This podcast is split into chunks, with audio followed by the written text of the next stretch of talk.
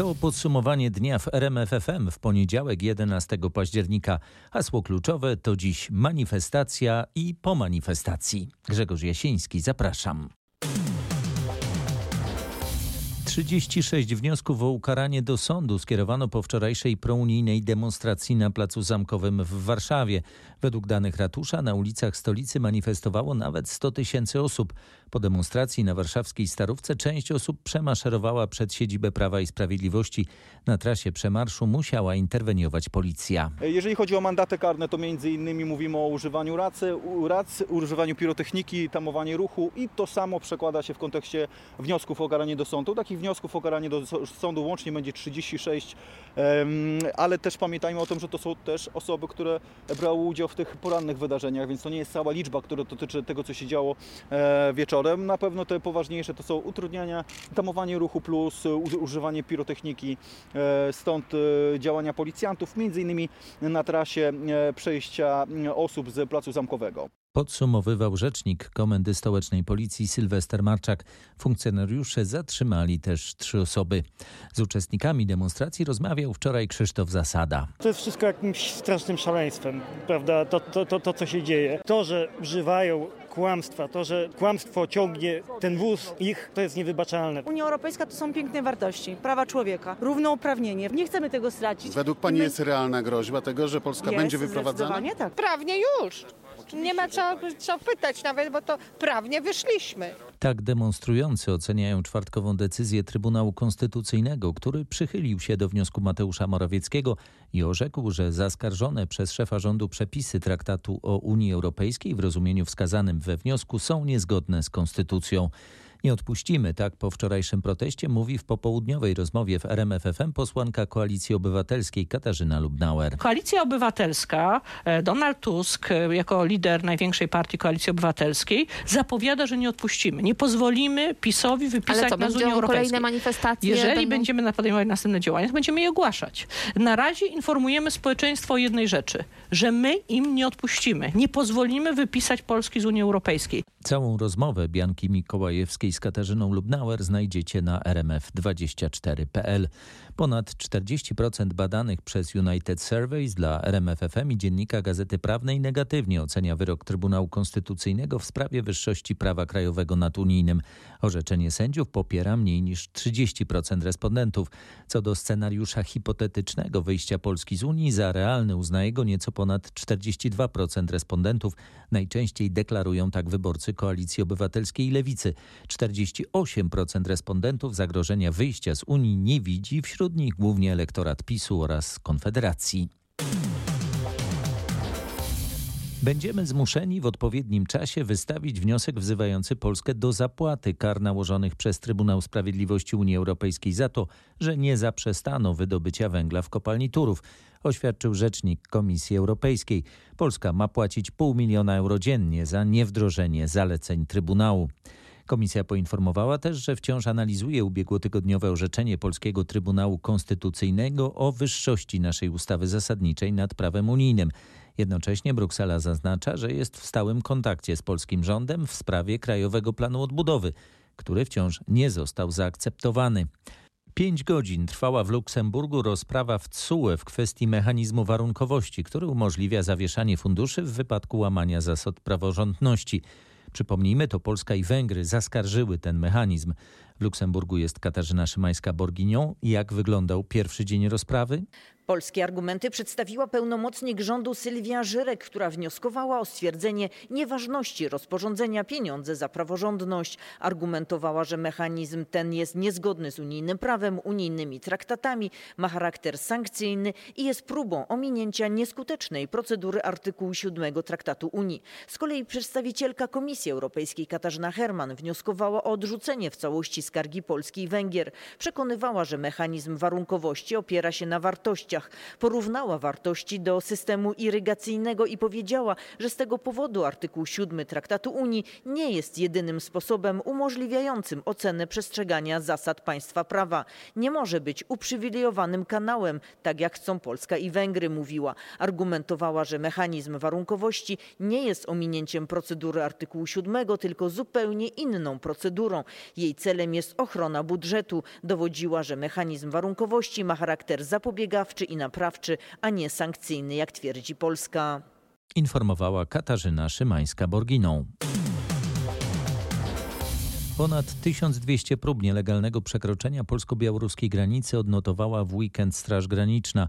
Od początku października takich prób było już ponad 5 tysięcy.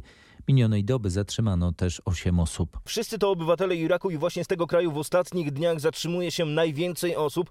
Pogranicznicy zatrzymali też siedmiu cudzoziemców za pomoc w nielegalnym przekraczaniu granicy. To obywatele Egiptu, Gruzji, Iranu, Ukrainy i dwóch Rosjan. Według Straży Granicznej białoruskiej służby sprowadzają cudzoziemców do obiektów po byłej placówce granicznej. Tam imigranci czekają na dalsze instrukcje dotyczące przekraczania granicy. Relacjonował nasz reporter Paweł Balinowski.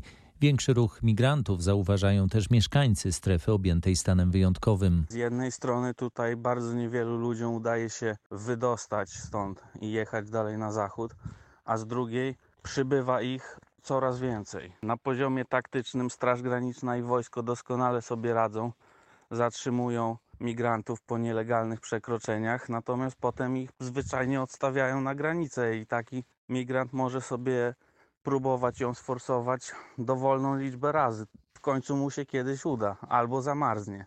Opowiadał pan Mateusz, mieszkaniec przygranicznej wsi Łapicze na Podlasiu. My wypełniamy zadania, które powinny być zadaniami polskiego państwa, twierdzą medycy od czwartku dyżurujący przy strefie stanu wyjątkowego przy granicy z Białorusią.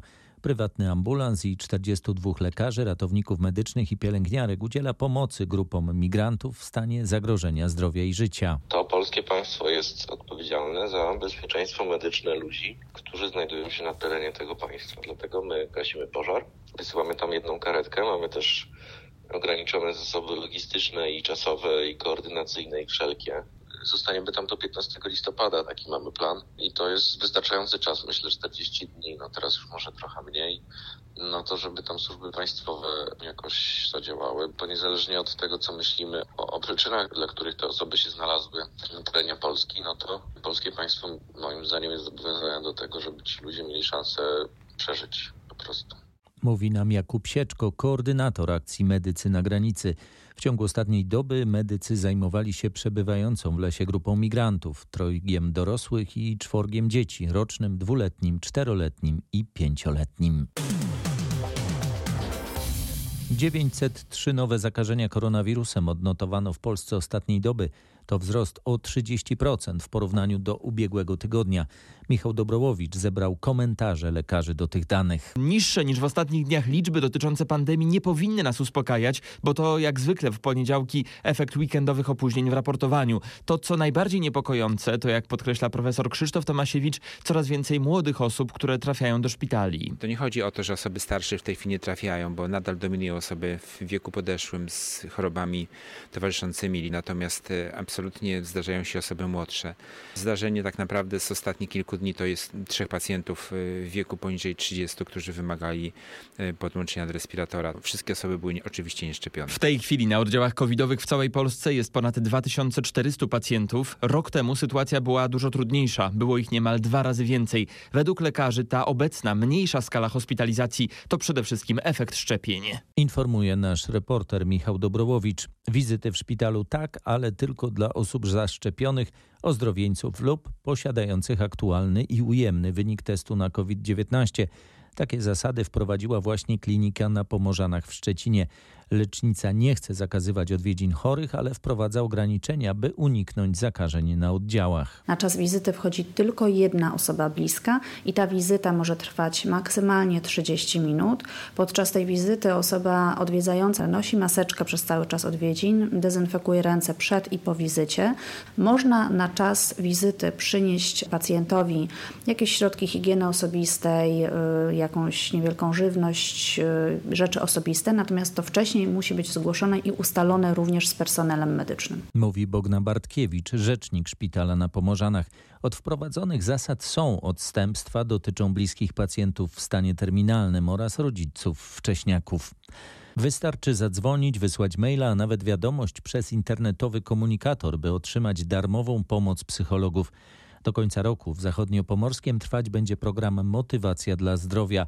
Adresowany jest do tych, na których piętno odcisnęły pandemia i kolejne lockdowny.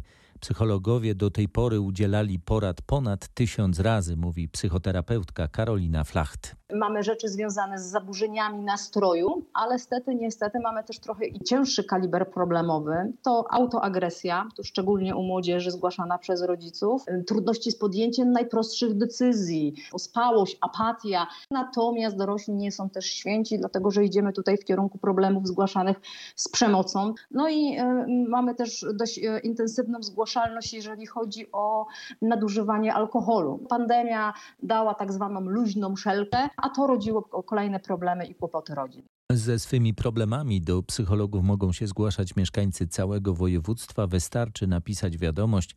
Dane kontaktowe znajdziecie na stronie projektu motywacjadlazdrowia.pl. Mija miesiąc funkcjonowania Białego Miasteczka przed kancelarią premiera w Warszawie. Mimo serii rozmów między protestującymi medykami a resortem zdrowia porozumienia cały czas nie ma.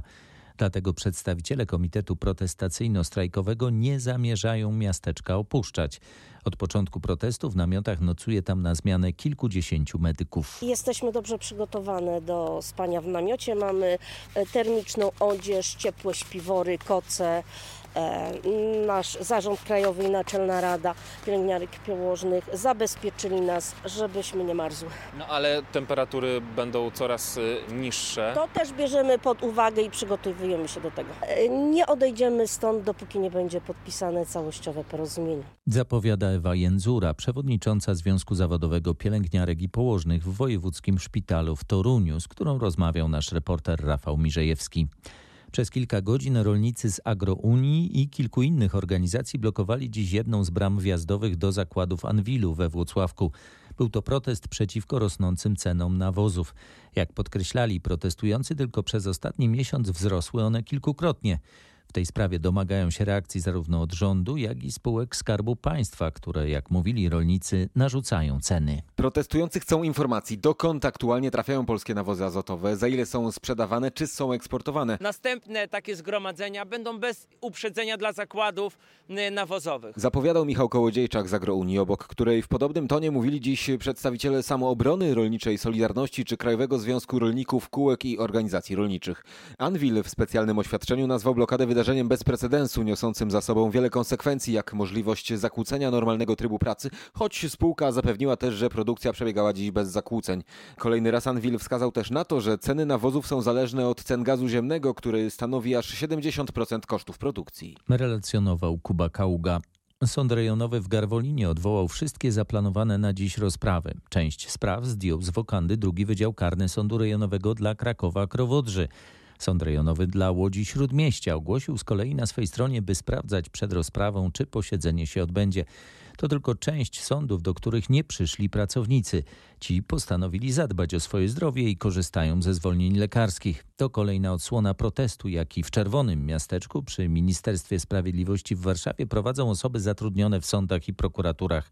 A to oznacza prawdziwe problemy dla tych, którzy mieli zaplanowane rozprawy na dziś, na kolejne dni gdzie sądy pracują w okrojonym składzie. Trzy sądy na pięć krakowskich, sądy w Łodzi, sąd rejonowy w, dla Łodzi Śródmieścia, sąd e, okręgowy w Łodzi, mniejsze jednostki typu sąd rejonowy w Garwolinie, sąd rejonowy w Nowym Dworze Mazowieckim, sąd rejonowy w Zielonej Górze, sąd rejonowy w Legnicy, sąd rejonowy w Zgorzelcu. Wymieniała Justyna Przybylska z Czerwonego Miasteczka, która dodaje, że to dopiero początek problemów. Kolejni pracownicy wybierają się do lekarza w ciągu dnia, a to może oznaczać kolejne zwolnienia lekarskie i kolejne rozprawy zdejmowane z sądowych wokant.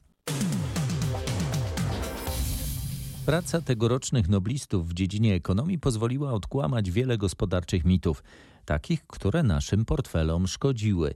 Nagrodę otrzymali Kanadyjczyk David Card, Amerykanin izraelskiego pochodzenia Joshua Angrist i pracujący w Stanach Zjednoczonych Holender Guido Imbens. Ich prace sprawiły, że mamy choćby wyższe wynagrodzenia. Na przykład w 1992 roku zmierzyli się z powszechnym mitem, że podnoszenie płacy minimalnej zawsze przekłada się na spadek zatrudnienia. Okazało się, że to nieprawda. Tak samo udowodnili, że napływ migrantów zarobkowych nie oznacza spadku wynagrodzeń, albo że pompowanie pieniędzy w szkoły nie zawsze przekłada się na przyszłe bogactwo uczniów. To Nobel za wyższość badań empirycznych i wiarygodną interpretację danych. Card, Angrist i Imbens pokazali, że analizując pewne dane możemy poznać przyczyny i skutek decyzji społecznych i gospodarczych.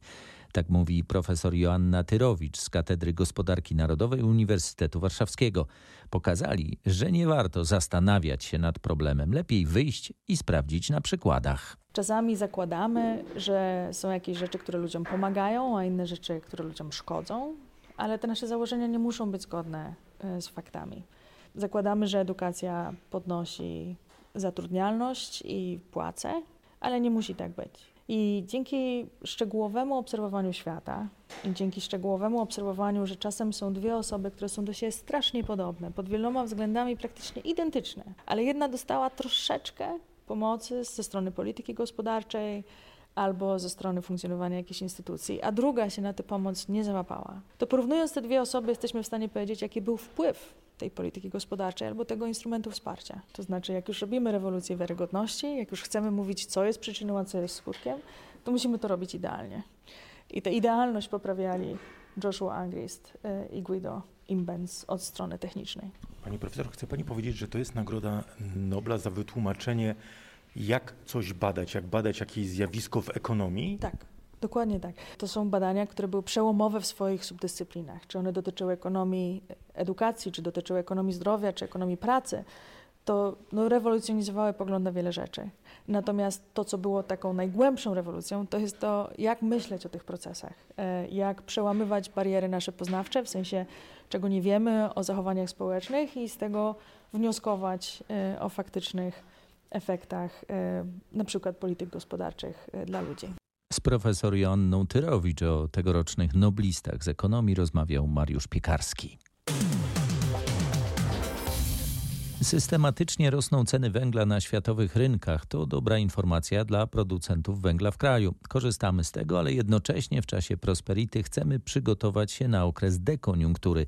Mówi RMFFM Robert Ostrowski, wiceprezes Jastrzębskiej Spółki Węglowej. Jeszcze niedawno ceny węgla mocno spadały, teraz nagle poszybowały w górę. Jak to tłumaczyć? To jest rynek, prosty mechanizm, który działa od lat. Mamy sytuację koniunktury i dekoniunktury. E, natomiast na dzisiaj efekt wojny e, handlowej pomiędzy Australią i Chinami tak, trochę pozmieniał sytuację na rynku. Mamy sytuację no, tak w pewnym sensie postpandemiczną rozwoju gospodarki nie tylko w Polsce, na całym świecie, gdzie zapotrzebowanie na stal przewyższa możliwości produkcyjne i dzisiaj jest walka o. Jesteśmy częścią po stronie podażowej tej walki. Korzystamy z tego po prostu. A skoro już o JSW mowa, będzie współpraca Jastrzębskiej Spółki Węglowej z Uniwersytetem Ekonomicznym w Katowicach. Dziś podpisano porozumienie w tej sprawie. Co dzięki temu zyskują studenci? To jest kwestia chociażby możliwości pisania prac e, rozwojowych, czyli pracy licencjackiej czy pracy magisterskiej właśnie w oparciu o dane z Jastrzębskiej Spółki. To jest absolutne wejście w praktykę. Zresztą odbywanie praktyk właśnie w takim e, przedsiębiorstwie no jest nieprawdopodobnie cenne. Z profesorem Robertem Wolnym z Katowickiego Uniwersytetu Ekonomicznego rozmawiał nasz reporter Marcin Buczek. Marzena SC, była prezes Wisły Kraków oraz dwaj inni podejrzani w sprawie nadużyć finansowych w klubie opuścili areszt. Decyzję podjął sąd apelacyjny w Poznaniu. Cała trójka musiała wpłacić kaucję. Sąd umożliwił podejrzanym wpłatę kaucji na ostatnim posiedzeniu w połowie zeszłego miesiąca. Na tym samym, na którym zapadła decyzja o przedłużeniu aresztu dla podejrzanych do grudnia.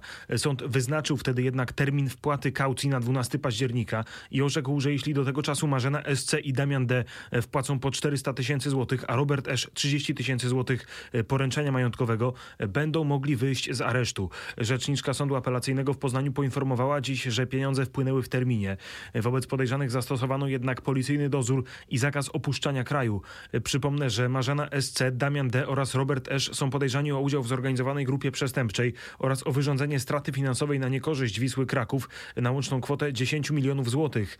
Śledztwo w tej sprawie prowadzi prokuratura regionalna w Poznaniu. Podejrzanym grozi do 10 lat więzienia. O czym informował nasz reporter Mateusz Chłystun. Za oceanem dziś dzień Krzysztofa Kolumba, choć to dzień wolny dla większości pracowników, zamknięte są też szkoły, to coraz mniej osób świętuje. Dlaczego? Dlatego, że wielu Amerykanów uważa, że tego dnia należałoby świętować ludy tubylcze. Odkrycie Ameryki przez Kolumba było początkiem końca dla rdzennych społeczności i dlatego wiele stanów czy hrabstw dziś świętuje lokalnie Dzień Rdzennych Amerykanów lub Dzień Rdzennych Ludów.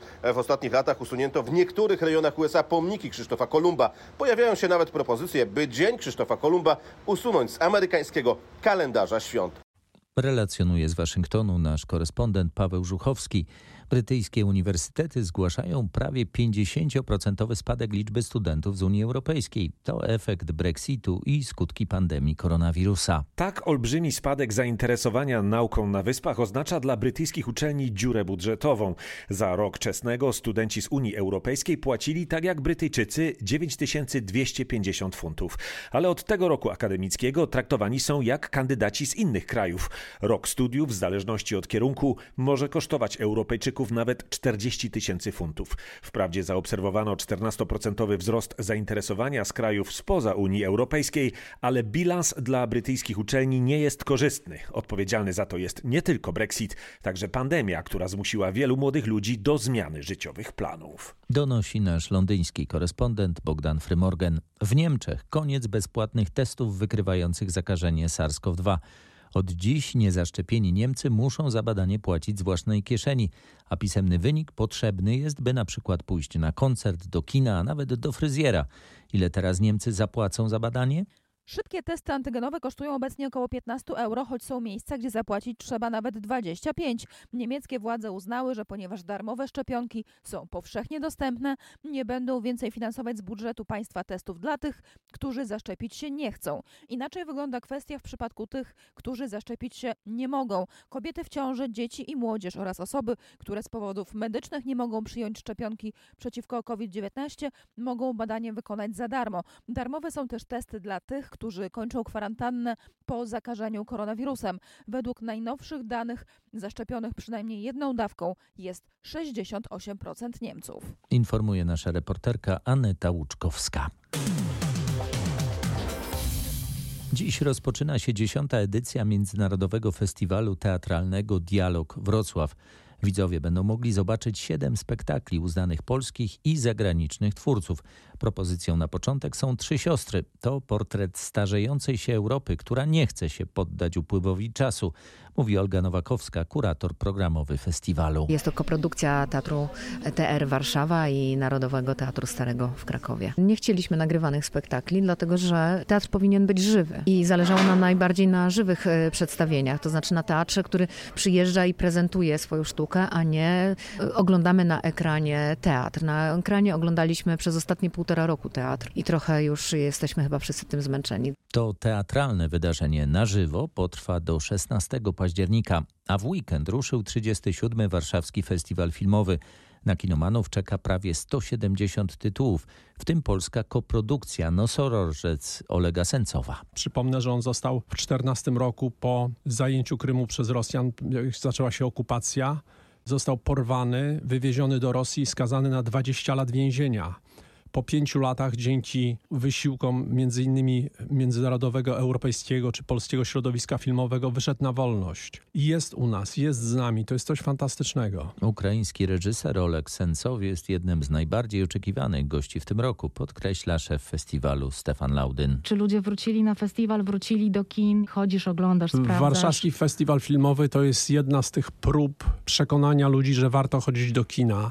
Tuż przed festiwalem taką wielką próbą była premiera Bonda, potem filmu Wojtka Smarzowskiego. Także zachęcam Państwa, nie ma co siedzieć w domu, bo w domu siedzieliśmy przez ostatnie dwa sezony. W kinie trzeba nosić maseczkę i trzymać dystans społeczny, co jest możliwe, jeśli siedzi się w fotelach kinowych. Ze Stefanem Laudynem rozmawiała Katarzyna Sobiechowska-Szuchta z redakcji kulturalnej RMFFM.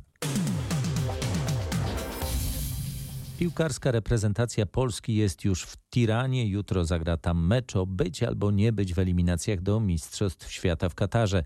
By zachować szansę na drugie miejsce w grupie i grę w barażach, musimy pokonać Albanię.